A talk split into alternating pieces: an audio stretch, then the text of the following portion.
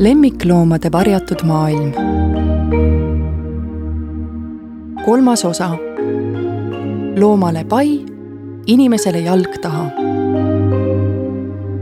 lemmikloomi ja nende pidajaid tuleb üha juurde. spetsialistid näevad siin ohumärke, veelgi enam, nad kardavad hammustuste ja rünnakute sagenemist kui ma olen Eesti ühe pikaaegsema ja tuntuma loomakaitsja Heiki Valneriga umbes neli minutit rääkinud, ei saa ma enam midagi aru. tunnen, et vaja läheks tahvlit ja markerit ja hulga igasuguseid selgitavaid nooli ja noolekesi. Enda arust pöördusin lihtsa küsimusega, miks on tänapäeva Eestis nii palju loomakaitseorganisatsioone? Valner räägib, et kahe tuhande seitsmendal aastal oligi pilt üsna lihtne. Eestis oli üks suur ja keskne loomade kaitsmisega tegelev organisatsioon, Eesti Loomakaitse Selts, millega ta toona liitus. olevat olnud selline rahulik omaette toimetav punt, meediaga eriti ei suhelnud. iseenesest äge tuumik, pühendunud. aga siis hakkasid tekkima erinevad nägemused, ka maailmavaatelised, mis viisid killustumiseni. suusad läksid risti loomaõiguslaste ja veganitega, sest meie polnud väga seda meelt, et saadame Eesti rahva muru sööma siis olid seal järsku inimesed, kes eelistasid ainult kasse. minu jaoks puhas liigirassism. Valner, kes ei saanud enam seltsi juhatusse, lahkus ja taaselustas kahe tuhande kümnendal aastal Eestimaa Loomakaitse Liidu. kuid ka seal ei jätkunud harrast üksmeelt kuigi kauaks. ühed leidsid, et nad hoolivad ikkagi rohkem metsloomadest, siis ilmusid jälle välja kassiinimesed, kes hakkasid MTÜ-sid tegema neid tekkis mustmiljon. siis tulid farmiloomade õiguste eest seisjad ja karusloomafarmide keelustajad. mingi aeg ronisid välja seltsimehed, kes noolisid lihtsalt hõlptulu. kirjutasid ilusad jutud kokku, võtsid raha vastu, aga loomadeni ei jõudnud midagi. olid veel loomaarstid oma akadeemilise ühinguga ja ühel hetkel taipasin ise, et Eestis pole loomade kiirreageerimisüksust, mis oleks võrdne inimeste kiirabiga sündis loomapäästegrupp. nii ongi viieteist aastaga siginenud Eestisse vähemalt mitukümmend väga aktiivset loomade ja nende kaitsmisega tegelevat organisatsiooni, peamiselt MTÜ-d. eks ta ajab hulluks muidugi, ohkab Valner ta tunnistab, et kui ta eelmise kümnendi alguses Eestimaa Loomakaitse Liiduga alustas, oli tema soov luua suur katusorganisatsioon, mis koondaks enda alla kõik ühingud et meil oleks teadmised alates hobusekasvataja muredest kuni kariloomade pidamiseni välja. nagu ühtne löögirusikas, mis annaks meile poliitikute ja ametnikega suheldes suurema kaalu. aga ma ebaõnnestusin, ütleb Valner. kõik tahtsid olla sõltumatud, kõik kartsid, et nüüd hakatakse päitseid pähe panema. seetõttu ongi koostööd organisatsioonide vahel vähe järgmisel hetkel leiab Valner siiski, et killustatus ei pruugi sugugi halb olla. igal organisatsioonil on oma funktsioon. tülitsemise ja küünarnukkidega vehkimise asemel saavad nad ajada oma asja. ma olen elanud ajal, kui meil oli vaid üks suur asutus, kompartei. Pole väga hea mälestus Valner ei salgagi, et loomakaitse kubiseb keerulistest, suure egoga tegelastest, kes oma arvamust enda teada ei hoia. ta on ju isegi üks neist. kõik on nii emotsionaalsed, väga palju on intriige ja kuulujuttudest, mida üksteise kohta räägitakse, saaks kokku paksu raamatu. eks suur empaatiavõime loomade vastu võib olla teinekord needuseks inimestega suhtlemisel pea kõik loomakaitsjad, kellega suhtlen, ütlevad samamoodi. olemegi keeruline seltskond, midagi pole teha.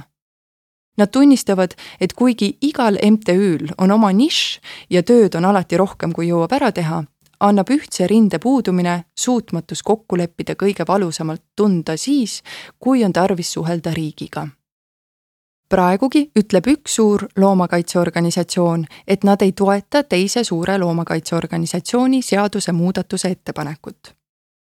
kuigi seal olevat õigeid ja õigustatud nõudmisi, olevat pöördumine tervikuna liigagi tülinoriv. laetud relv taskus paari nädala jooksul lemmikloomade teemat uurides hakkab mulle iseäranis silma üks vastasseis selle ümber jauratakse sotsiaalmeedias ja seda mainitakse juba enne telefoniintervjuude algust. minu koeraomanikust sõber räägib sellest, kui me tema kutsikaga jalutama lähme. mõni päev pärast traagilist uudist, et koer tappis Tallinnas nelja-aastase lapse, heliseb kolmekümneaastase kogemusega koerakoolitaja Aivo Oblikase telefon. helistajaks Anu Välba, kes kutsub teda oma pühapäeva hommikusse telesaatesse ehkki Oblikas on karismaatiline esineja, sündinud õpetaja, nagu üks tema kolleeg mulle ütleb, kelle saalid on alati rahvast täis, jääb mees ettevaatlikuks. kui ta viimane kord umbes poolteist aastat tagasi koera koolitamise ja treenimise teemal meedias sõna võttis, olid sel tagajärjed. mind sõimati sadistiks. Öeldi, et minusugused tuleb ühiskonnast välja juurida, meenutab koolitaja. pärast seda otsustasin, et aitab kutsuti küll telesse ja raadiosse, aga lükkasin kõik suuremad pakkumised tagasi. minu jaoks pole koerte koolitamine töö ega sissetulek. ma teen seda oma vabast ajast. miks ma peaksin oma elu keeruliseks tegema? ent ometi, kuna võõra lapse surm puudutas Oblikat sügavalt ning ta hindab hommikanuga saadet kõrgelt, otsustas mees, et ta ikkagi läheb. eriti kuna tal on hingel asju, mis tahavad väljaütlemist millest siis Oblikas saates rääkis? näiteks sellest, et meie ühiskonnas ei võeta koera enam koerana, vaid lapsena. et ta on oma koera füüsiliselt sakutanud, karistanud ja teda perekonna hierarhias allapoole surunud, kui koer lapse peale urises ja tema positsiooni himustas. taaskord lõi Oblikase ümber kihama mingi seltskond tõlgendas seda nii, et ma olen vanaaegne, propageerin vägivalda, räägin aegunud karja ja hundi uuringutest. aga ma ei soovitanud saates koeri karistada, ammugi mitte vägivaldne olla. sain väga palju positiivset tagasisidet, kuid paraku järgnes ka organiseeritud laim, millega käisid kaasas ähvardused. loomi tuleb kaitsta aga leian, et loomade kaitsmise alla ei kvalifitseeru see, kui mingid inimesed teisi avalikult laimavad. kuid Oblikas ei taha rohkem rääkida saatest ega isiklikest rünnakutest, vaid sisust. minu jaoks on Eesti koerandusmaailmas toimuv hästi arusaamatu, ütleb ta. esiteks teeb talle muret see, et viimastel aastatel on plahvatuslikult juurde tulnud libakoolitajaid, kes mustavad vanu olijaid Nad kuulutavad, et kasutavad viimastel uuringutel põhinevaid uudseid konfliktivabasid meetodeid, mis pakuvad koertele vaid õnne ja rõõmu. nii antakse mõista, et kuskil on mingid vanad tegelased, kes lähtuvad aegunud uuringutest, on vägivaldsed ja mis kõik veel. Nad teevad alatut turundust. kas see ei näe välja nagu tavaline võitlus turuosa pärast, küsin vahele. ma saan aru, aga probleem läheb sügavamale vastas Oblikas. Tihtipeale on need uued koolitajad tegelenud üsna sarnaste koertega, pigem pehmete, leebete ja konfliktivabade tõugudega. Neil on vähe kogemust, aga maailm ei koosne vaid sellistest koertest. näiteks tean koolitajaid, kes ütlevad, et kui koer väljub kõrvaltänavas kontrolli alt, kuna seal on teised koerad, siis ärge sinna tänavale minge. see on probleemide vältimine seetõttu tekib inimestel petlik arusaam, et nad kontrollivad olukorda aga see kaardimajake võib iga hetk kokku kukkuda, sest elu on täis ootamatusi. Oblikase jutust käib mitu korda läbi sõnapaar Youtube'i koolitajad. Need on inimesed, kelle teadmised koerte kasvatamisest baseeruvad vaid mõnel internetikoolitusel või kursusel. Oblikas jätkab, ta on hoos ta toob näite koolitajatest, kes ütlevad, et koera ei tohi jalutada kaelarihma, vaid traksidega traksid on loodud veokoertele, et neil oleks mugavam raskusi vedada. aga kui inimesel on traksides kolmekümne, neljakümne või isegi viiekümne kilogrammine koer ja ta pole hästi koolitatud, tõmbab ta isegi täisjõus mehe pikali. täna näeb linnapildis väga palju lapsi ja vanemaid inimesi, kes jalutavad traksides suurt koera. see on nagu laetud püss, mis võib suvalisel hetkel taskus paugu panna hammustuste arv kasvab. kuid siis tõmbab kogenud ja auhindadega pärjatud koeraspetsialist korraks tagasi ja ütleb, et eraldusjoont ei tuleks tõmmata mitte vanade ja uute, vaid oskajate ja võhikute vahele. ühel pool on koolitajad, kelle tööl on tulemus ja kelle abi koeraomanikule toob kaasa selle, et omanikul pole koeraga muret. ja teisel pool need, kes ei oska, kelle töö pole tulemust, sakutagu või paitagu või tehku mida tahes. igale koerale ja koeraomanikule tuleb läheneda individuaalselt. Eestis on koolitajaid, kelle kohta öeldakse, et nad on kõva käega.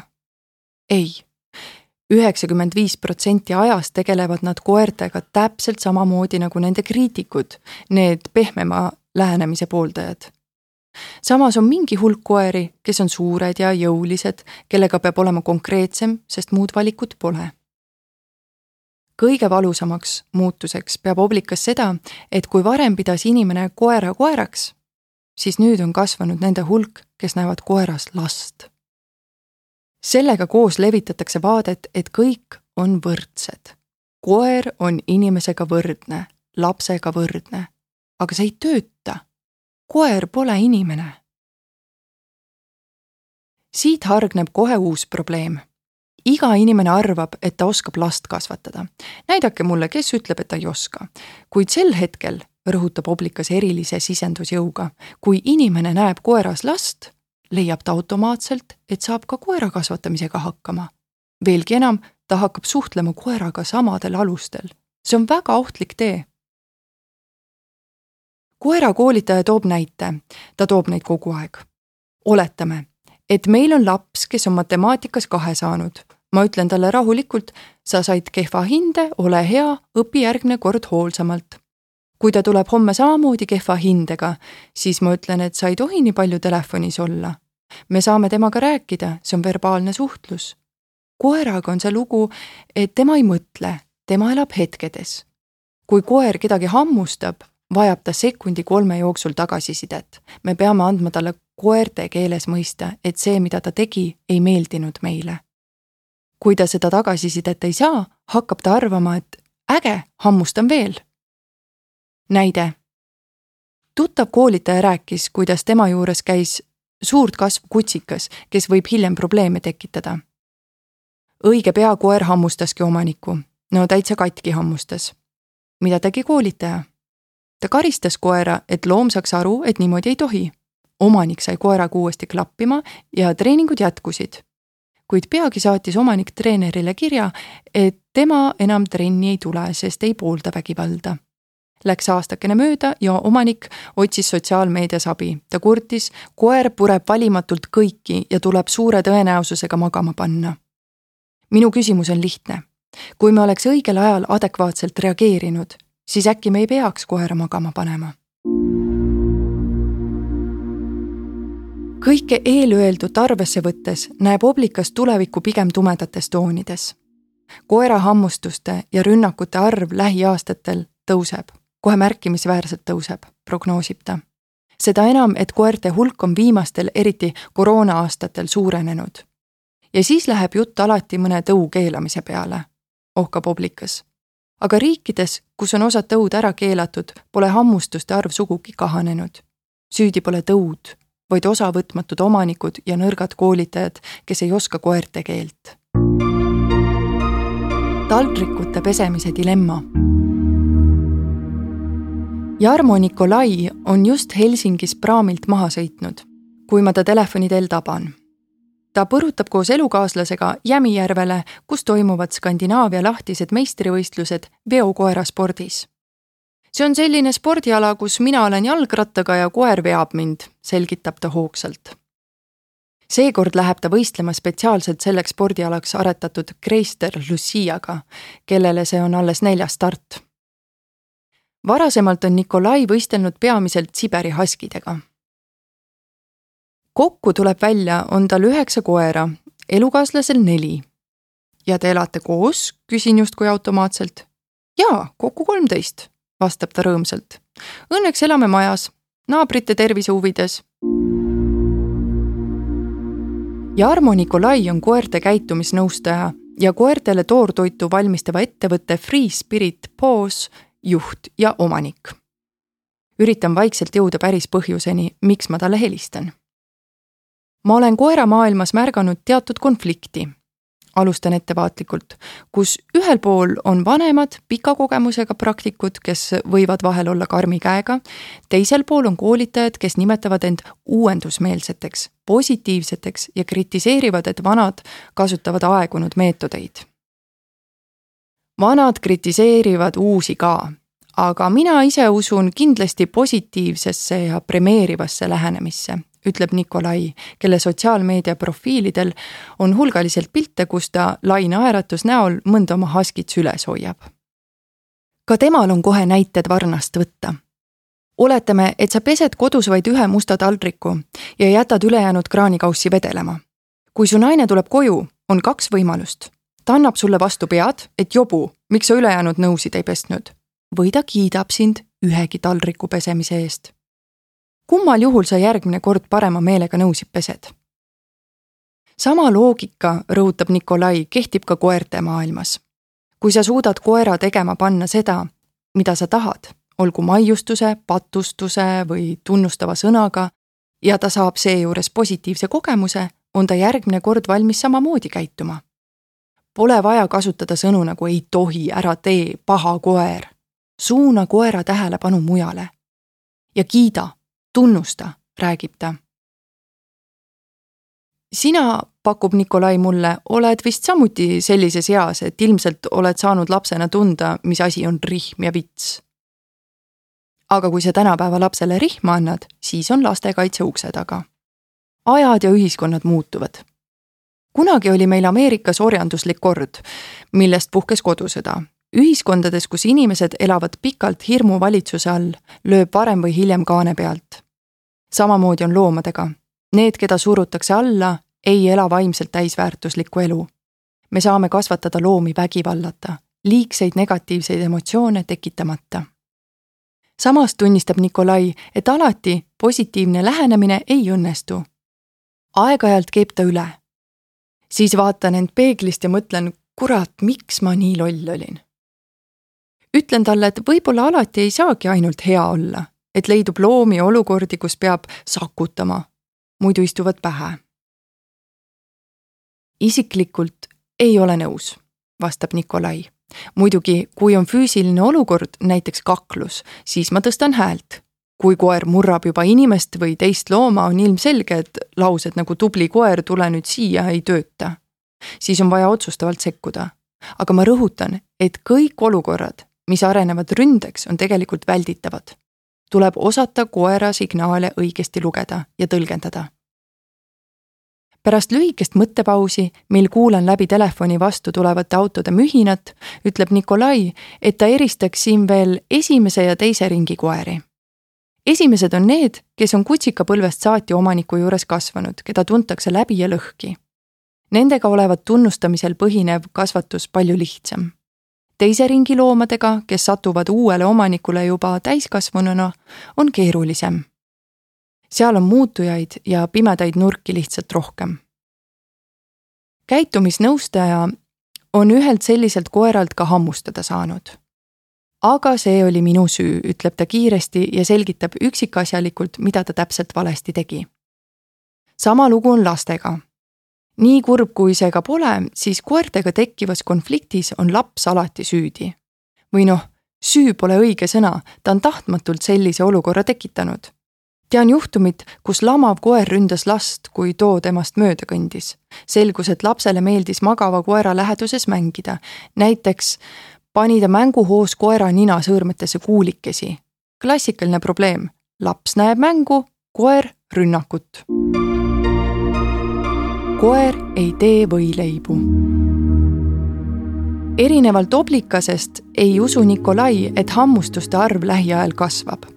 pigem vastupidi, sest lemmiklooma pidamise kultuur, usub ta, on tõusuteel muidugi on arenguruumi, aga inimesed oskavad aina paremini lugeda koera kehakeelt ja signaale seda jääb vähemaks, et inimene jalutab tänaval koeraga ja lubab korraga kümnel lapsel loomale peale lennata ja võidu paitama hakata. Nikolai tahab ümber lükata müüdi, nagu oleks positiivse koolkonna koerapidajatel kõik pilla-palla. see ei tähenda reeglite puudumist. me saavutame oma eesmärgid, aga lihtsalt teisel viisil. koera suurim eesmärk juba kümneid tuhandeid aastaid on inimestele meeldida, kuna sellega kaasneb turvatunne ja toit. Ning koer teab, et üksi ei suuda ta endale kumbagi tagada. sellele me mängimegi. aga see jutt, et meil pole distsipliini ja reegleid, ma ütleks, et niikaua, kui koer ei tee külmkapi ust lahti ega hakka peremehele võileibu tegema, pole küsimust, kelle jalas on püksid.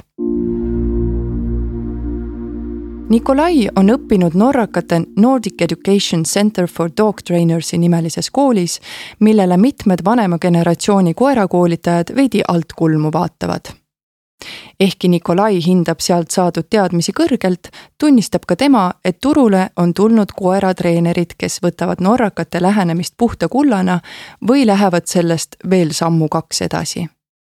eks see natuke selline moeröögatus on, olla positiivne koeratreener. aga samas turg paneb asja paika, kliendid hääletavad ju jalgadega kõige rohkem häirib Nikolaid see, et igalt poolt vaatavad vastu äärmused ühel pool on koerale malaka andmine, teisel pool roosamanna ninnu nännutamine. aga maailm pole nii mustvalge. mind on üllatanud, kui vähe koerte koolitajaid ja treenereid omavahel päriselt räägivad. Suheldakse meedias, aga seal nagu ikka, on vaid suured mustvalged pealkirjad. me kommenteerime Facebookis, aga sealgi kukub asi koledasti välja. lõpuks loobime soppa nagu tavalises internetifoorumis tegelikult, leiab Nikolai, on ühisosa palju suurem, kui suudetakse või tahetakse välja näidata. seetõttu on tema valmis kõigiga laua taha istuma ja arutama